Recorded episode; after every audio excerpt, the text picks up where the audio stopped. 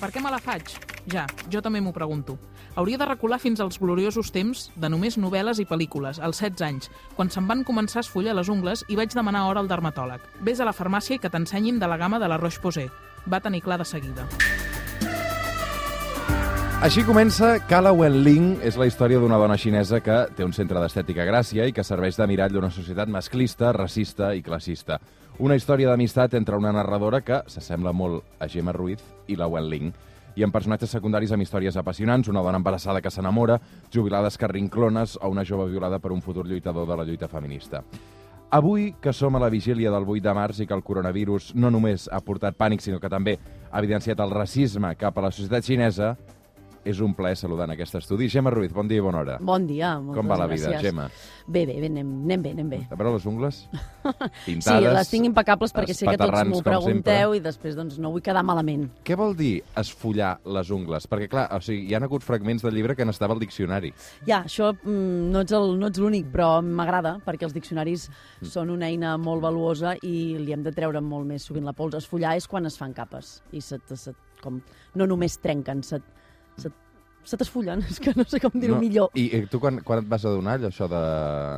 Aquí dius, eh, se'm van començar a esfollar les ungles, vaig demanar hora al dermatòleg, de jove, eh? 16 anys. Això plantejo una situació que es donava molt sovint quan jo era joveneta i és això, no? que a la mínima ja et receptaven maquillatge, si tenies grans, a la mínima et receptaven que, que et fessis la manicura, no? que te les pintessis, i llavors eh, passen les dècades i dius, a veure un moment, però com pot ser que ja t'introdueixin en aquesta construcció d'una feminitat que mm, no té per què ser així, és a dir, està imposada totalment. Aquest culte a les ungles ha anat evolucionant moltíssim també els últims anys, no? També amb, amb els fenòmens Rosalia o l'abat Guial. Sí, és veritat. Són unes ungles molt diferents de les que llueixes tu, o les que et fa la això Wen-Ling, no? ja seria mm, la, això que en diuen el nail art, no? que ja és l'exageració màxima, i que ja no se sap si són ungles o són ganivets, Mm. i a mi això eh, m'inquieta i m'agrada, no? també que les divas del pop eh, tinguin aquest punt així agressiu, m'agrada. Tu no t'atreviries per això. No, és que no, no, pots, no pots teclejar amb aquestes unglasses. Ja m'agraden, eh? però és que no, no pots ni gratar, no sé, com s'ho fan. Sempre que et vas a fer les ungles, aprofites per tallar-te el cabell o són coses que van separades?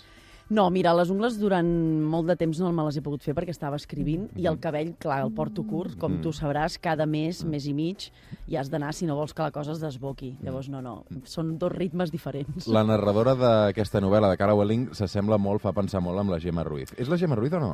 No, no és la Gemma Ruiz, però no vaig voler fugir d'estudi en el sentit d'inventar-me una professió que estigués molt lluny de la professió periodística, per això li vaig acabar adjudicant el rol de documentalista, perquè si bé al principi vaig pensar que fos o advocada o economista o doctora per retratar algú, una blanca privilegiada que pot anar un cop a la setmana a un centre de manicura o una perruqueria, Després vaig pensar, i per què no aquests privilegis a l'altre?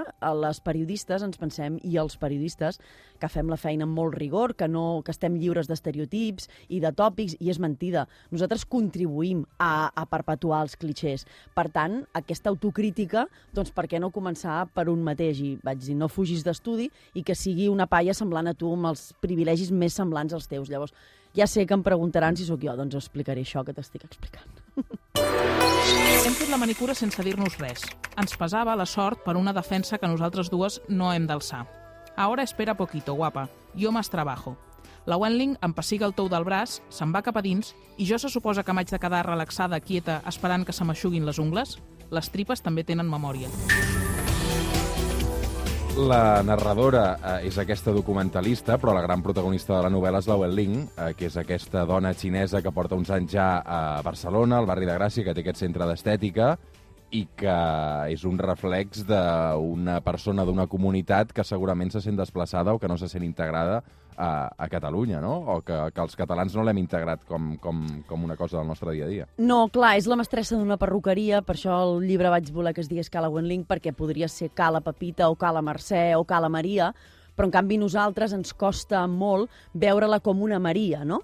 Com una Mercè, com una Pepita, mm, com algú mm, de la mateixa comunitat que som nosaltres. I al final tots som veïns, és el bon veïnatge de sempre. La comunitat, eh, la xarxa que fa que la gent es protegeixi d'un desnonament. Llavors, aquesta mania de continuar tractant a qui va venir una mica de més lluny d'algú de la teva família, perquè tots amunt o avall tenim, venim de generacions que van traslladar-se d'un lloc a un altre, doncs encara aquesta mania racista de voler situar persones que són els nostres veïns i, per tant, tant és l'origen d'on sigui, compartim aquesta terra, encara situar-lo en, una, en un lloc d'alteritat. Tu ets una persona que t'agrada documentar-te molt, que t'agrada llegir molt. Què necessitaves saber abans d'escriure de, aquest llibre? Mira, doncs com que em va, em va empènyer molt bàsicament a escriure la falta d'empatia que jo trobava amb molta de la clientela que va a aquests llocs i es mira amb, aquesta, amb aquests ulls racistes, classistes i masclistes, moltes noies que van venir de l'Àsia per viure a Europa amb nosaltres, eh, necessitava saber d'on venia aquesta mirada. No, no són actituds individuals mai. Sempre són creacions culturals la mirada que projectem a l'altre. Llavors necessitava estudiar els estereotips, els prejudicis, d'on venia aquesta, aquest rebuig cap a la diàspora xinesa i llavors te n'has d'anar a Amèrica, que és la primera, la més antiga i la més estudiada, i d'on després ens venen tots els patrons que nosaltres projectem encara avui dia en els, amb personatges de la ficció que els fem parlar malament, que els escarnim, que, que ens n'enriem, tot això fa pòsit i fa que després nosaltres fem aquests acudits, generem aquest rebuig i ens comportem com uns autèntics racistes al dia a dia. El ferrocarril el van construir els xinesos, no? El ferrocarril americà, eh, bàsicament perquè la mà d'obra era molt més barata. Sí, perquè eren uns treballadors exemplars que van eh, fer aquesta aposta del tot pel tot, que és una experiència migratòria, però després estan esborrats de la glòria i de l'èpica, no? I llavors aquí comença molt del maltracte i molt de la invisibilització que encara els estem sotmetent nosaltres avui en dia. La Welling existeix? La Wenling existeix amb la persona que et pot eh, vendre mm, una fruita, que et pot posar un tallat, que et pot eh, rentar el cabell. Segurament tenim moltes Wenlings al costat, moltes persones amb qui podem fer xarxa i, i hauríem de començar a, a descobrir-les en el sentit de dir hola, bon dia, tu d'on vas venir? Mm. El World Tour Gemma Ruiz eh, fa dies que circula ja, eh, perquè has fet moltes presentacions per Catalunya i molts clubs de lectura, perquè la gent eh, també té ganes de xerrar amb tu, és la teva segona novel·la. Venen ciutadans o ciutadanes xineses a les presentacions? No, perquè segurament encara hi ha la dificultat. Vull dir que mm, les segones generacions, que ja són catalans i catalanes, sí que potser se'l podran llegir, si volen, però mm, la gent que, que encara té uns horaris de feina tan bèsties perquè la seva aposta de vida és molt, és molt convençuda que, que, que ha de ser exitosa, no? i per tant no creues mig món per, per jugar-te, l'has de treballar moltes hores, doncs clar, no hi ha espai ni per conèixer bé la llengua ni per poder fer aquestes coses privilegiades que fem els privilegiats, que és poder llegir i poder anar a un club de lectura. Aviam si tant entrar i sortir de la perruqueria, tanta observació i tant treball de camp, i no hauré sabut veure la gran diferència que marca no haver de viure aïllat en un gueto. Aviam si no hauré captat el fonamental, que per conèixer què mengen els anfitrions de la teva nova ciutat cal conèixer primer algun, d'exemplar d'anfitrió. Vas anar a la Xina, no? Sí, vaig anar perquè volia saber com era, no? com es respirava a la, la província aquesta de Zhejiang, que és la que originalment ha, ha portat a, a, als nostres veïns xinesos europeus. No? Vull dir, Europa pràcticament tots històricament venien d'aquesta província de Zhejiang, que està sota de Shanghai, i vaig voler anar per conèixer. Ells, ells estan aquí, són els nostres veïns, coneixen Barcelona, doncs jo també volia conèixer la seva terra. Mm, I els Estats Units? Als Estats Units, sí, per la diàspora aquesta. Vaig fer aquests quatre mesos de, de, de permís de la feina per intentar entendre tota aquesta falta d'empatia i, i investigar, doncs, no sé. Penso que si, si, si tenim ganes de d'obrir no? i d'abanderar això del terra d'acollida no? que se'ns ha dit tantes vegades a Catalunya, n'hauríem de ser mínimament dignes i em sembla que ens falta molt camí per fer. Mm. Per què som racistes els catalans amb els xinesos? Perquè som racistes a tot Occident amb, amb totes aquelles terres on hem, on hem anat a extreure matèries primeres i persones i per tant necessitava, necessitàvem deshumanitzar per poder-ho fer alegrement som racistes perquè continuem vivint bé gràcies a que molta gent de moltes parts del món visqui malament. Per tant, ens interessa continuar sent racistes. Mm. Clar, um, parles de molts istes, no? Uh, sí. Del classista, del racista, de com tracten els bancs els xinesos, no? Um, explica això perquè uh, crec que és important posar noms i cognoms, no? Perquè sí. el, el racisme no només uh, es veu al carrer, sinó no, que es veu quan... És sí, institucional sí, sí. i es veu, per exemple, quan uh, un xinès um, s'obre un compte corrent aquí, passen coses. Això passa també molt amb, amb, amb molta gent d'altres orígens, eh? però aquí concretament van haver dos casos, jo ho vaig saber per la feina, pels meus companys, d'un bloqueig de comptes simplement perquè el nom, el teu cognom era d'origen oriental, no? amb aquesta cosa oriental que no saps ben bé què es refereix. I clar, és un maltracte bancari, un, un maltracte institucional, que no es podrien permetre si el col·lectiu fos blanc amb drets civils, laborals i, i polítics com som nosaltres, no? També ens maltracten, eh, els bancs. Els, els bancs intenten maltractar tothom que es deixa. Però imagina't si, és, si ets d'un altre origen i, per tant, no tens els peus falcats aquí perquè per començar, la llei d'estrangeria que nosaltres apliquem a la gent que ve de fora ja, ja, ja, ja permet que, que, que els bancs puguin fer aquests maltractes. Vull dir que, que sí que tenim uns comportaments lamentables. Escolta'm, uh, tot això creus que s'ha greujat amb el coronavirus? Tota aquesta animadversió cap als xinesos? Jo crec que no, sinó que simplement... És a dir, mm, s'ha de veure uh, les conseqüències econòmiques que tindran els negocis de la, dels nostres veïns que van venir de la Xina un dia, Uh, no sé si els comparem amb, amb les conseqüències que puguin tenir negocis d'italians que visquin a Barcelona, que també n'hi ha moltíssims, i crec que és la primera comunitat estrangera. No, no sé si estan havent vídeos de gent d'origen italià sortint a dir jo no sóc un virus. Sí que n'hi ha hagut de, de nois i noies catalans asiàtico-descendents a França i aquí que han hagut de sortir a dir jo soc un virus. Això és tristíssim, és a dir, que s'hagin hagut de visibilitzar per el maltracte que els hi continuem infligint. Llavors, eh, no, és que, no és que ho fem pitjor perquè ho, ho, ho fem malament sempre, però sí que ens ha posat de manifest doncs, la, el racisme que, amb el qual mirem qualsevol cosa que passi, també el coronavirus. Mira, uh, coneixes el col·lectiu Catàrsia?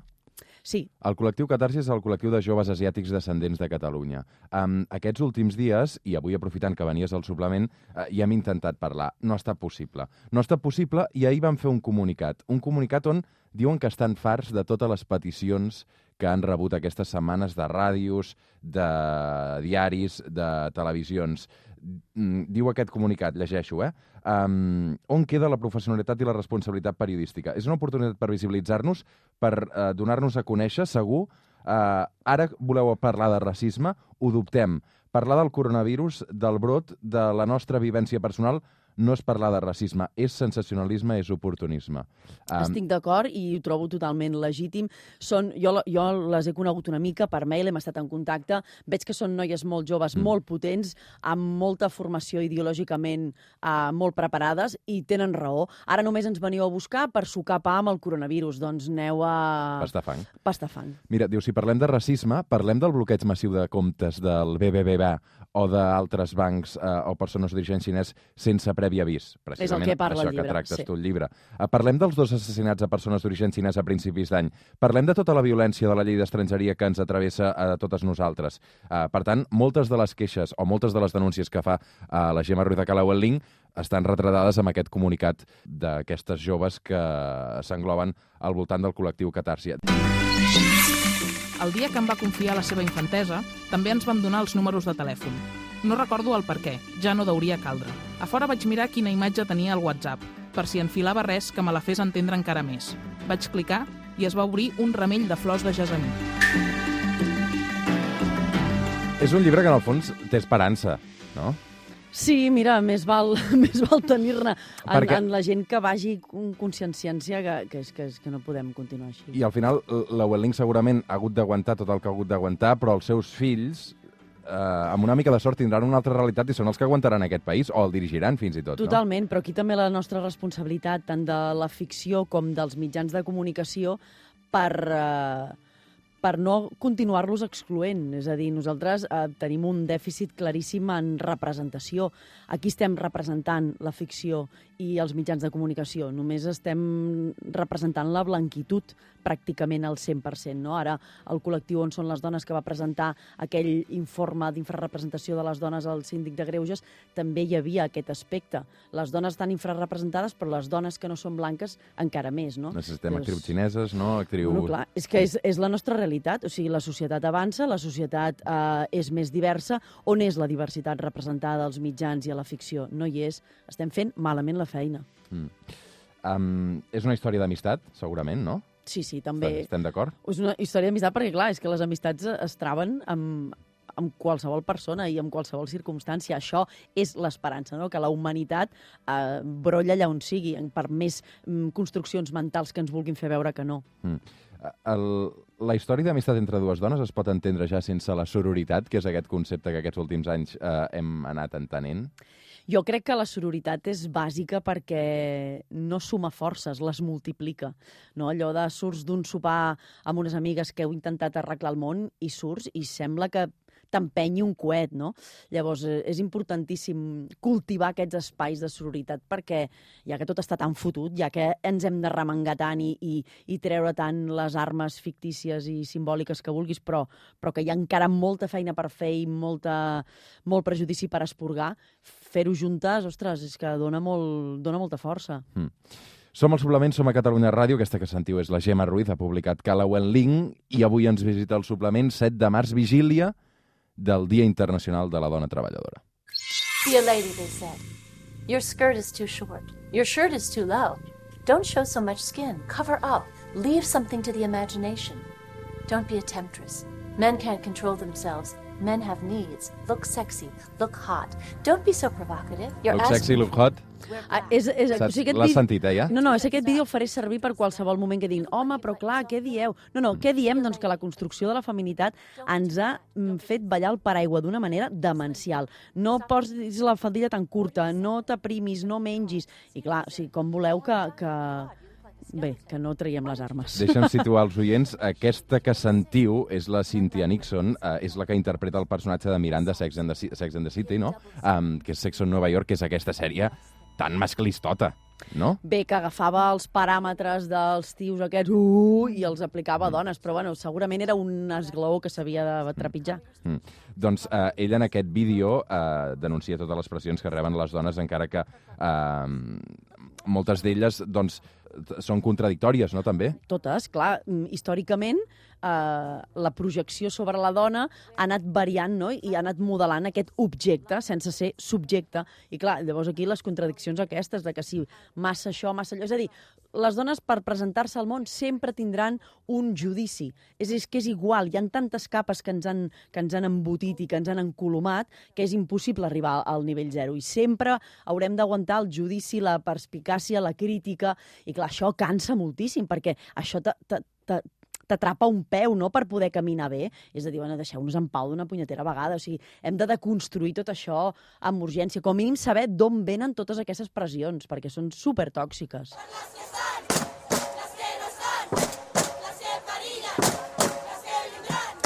Demà és 8 de març. Tu faràs vaga? No, perquè estaré dirigint amb el Ximo Blasco l'especial informatiu que fem a la tarda per cobrir justament tota la vaga i la manifestació que hi ha a Barcelona a partir de les 5 de la tarda. És un debat interessant, eh?, si els periodistes hem de fer vaga o no hem de fer vaga el 8 de març. Sí, i no només el 8 de març, això sempre passa en altres circumstàncies, no? Clar, jo, soc de, jo personalment penso que la nostra feina té molts privilegis i alguns, mmm, diguéssim, hi ha alguns privilegis que sí que no, jo penso que no podem tenir, com és fer vaga, per exemple. No? Aquí eh, jo m'estimo més treballar i donar una bona cobertura i que s'expliqui bé què és aquesta vaga i donar veu a les màximes expertes de les temàtiques que aquest any el col·lectiu convocant Vaga Feminista ha volgut posar al focus. Aquesta és la nostra obsessió, que sigui una vaga, una retransmissió plena de contingut, plena de, de, de concreció i no allò, aquelles proclames buides per tapar l'expedient. No, no, que sigui un programa molt informatiu. Llavors, clar, això, si tu fas vaga,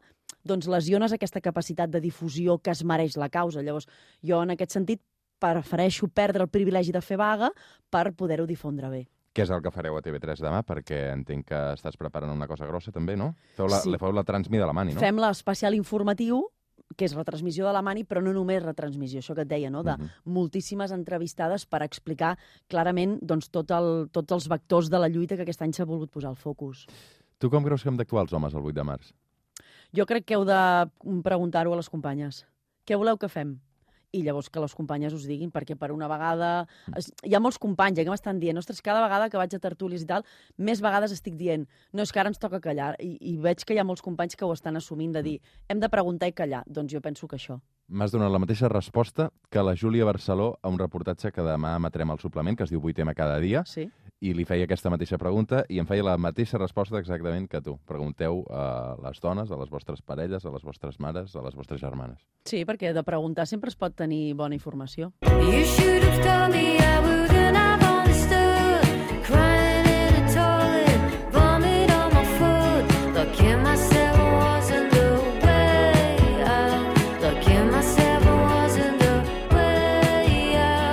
Segurament hi ha molts oients que diuen ostres, la Gemma Ruiz, aquella redactora de cultura que feia aquelles peces tan mones al TN i tan fantàstiques i tan crítiques.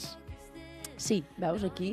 La gent uh... ha de saber que tu continues treballant a TV3. Sí, ja em van fer la proposta de ser redactora en cap farà, ara al maig farà dos anys i per mi va ser molt inesperat, però vaig dir, mira, doncs sí, sí, em veig eh, amb ganes de, de fer aquest altre paper des de l'altra banda, contribuint una mica a, la, la, no, aquest gota a gota a, a més persones que no tu i el teu producte i la teva crònica, i és un repte i estic molt contenta de poder-lo tirar endavant. Però què estàs fent exactament? Bé, doncs ser redactor en cap eh, té molt, molts, mm, diguéssim, molt, eh, molts camps de batalla. eh, el contingut, eh, coordinació d'equips, eh, el dia a dia, mm, no sé. Fas de jefa. Sí, sí, però també amb l'encàrrec inicial, que ja el vam fer, de formar tota la redacció en perspectiva de gènere i um, desenvolupar el protocol amb el qual hem canviat la manera d'explicar la violència masclista. I llavors per mi també va ser molt engrescador Posa'm exemples això. d'això. O sigui, has fet de coordinadora de gènere, no?, una mica? Sí, vam fer, a veure, la formació l'hem feta a tota la redacció i, i tot els, tots els redactors en cap i tots els caps. És a dir, volíem que fos integral, no que hi hagués una figura que és la que després va com, com la mestra que va renyant. No, no, volíem evitar això, per tant, jo ho he coordinat, però la formació ha estat responsabilitat de tothom i s'ha format a tothom. I era doncs per això, per aplicar aquesta perspectiva de gènere que no aplicàvem, que encara no fem bé, perquè, perquè costa molt d'arribar a totes aquestes estructures mentals, però que cada vegada estem fent millor. I és mm, doncs, fer reportatges que mirin des de l'altra banda, eh, assumir una paritat que, que moltes vegades no, encara no estem assumint, i la violència masclista, evidentment, explicar-la des de tot un altre context. El llenguatge que, que fem servir a TV3 també, els informatius, ha canviat? Intentem canviar-lo, el que passa que eh, és Posa'm dif- exemples. Què feien malament i què és el que... que, que... posar el focus en l'agressor i no en la víctima, això ho fem moltíssim, a parlar de violència masclista i mai parlar de violència domèstica, perquè es posa el focus en, la, en el problema estructural i no en un cas concret, i moltes vegades intentar parlar de supervivent en lloc de violència per no revictimitzar. Sí que hi ha alguns casos concrets, concrets que sí que estem fent el canvi des de fa temps.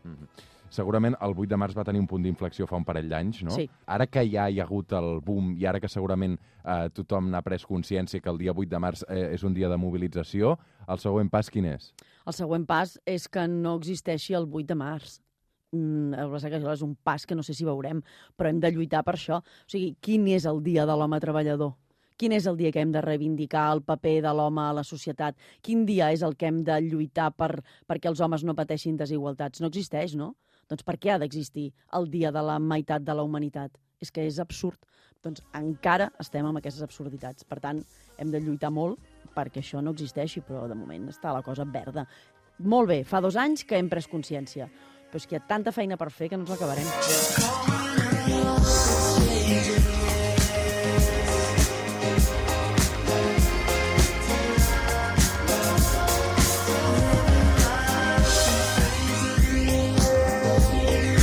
Gemma Ruiz, hi haurà tercera novel·la o no? Sí. Home, jo espero que sí, No, perquè... espero no. No comencem a fer allò de tirar pilotes fora, ara no ara, vull dir res, no, ara però no. ara, de A veritat, veure, no, estàs no, escrivint ja. no, Sí. no, no, de veritat que no. No, No, tinc un document, no el tinc. He Sí que quedat, el tens. Tens la quedat- idea al cap ja. Tinc algunes idees, Ah, però, veus? però Ja va no, sortint. no, ja, ja, sempre, ets el primer que, que sempre em tibes. Però, però aquest cop, eh, de veritat, necessito una mica de, Mhm. de calma i tranquil·litat. Home, escolta'm, de tranquil·litat n'has tingut perquè has trigat 4 anys, no? Sí, Entre un... però tranquil·litat, res, eh? Aquí remengant i vinga, vinga, vinga, com una matada. Però bueno, ja és això. Gemma Ruiz, moltes, moltes gràcies, molta sort eh, i que vagi molt bé demà també aquest especial. Moltes gràcies a vosaltres. Callaway Link, no us el perdeu. El suplement. Dissabtes i diumenges de 6 a 2. Amb Roger Escapa.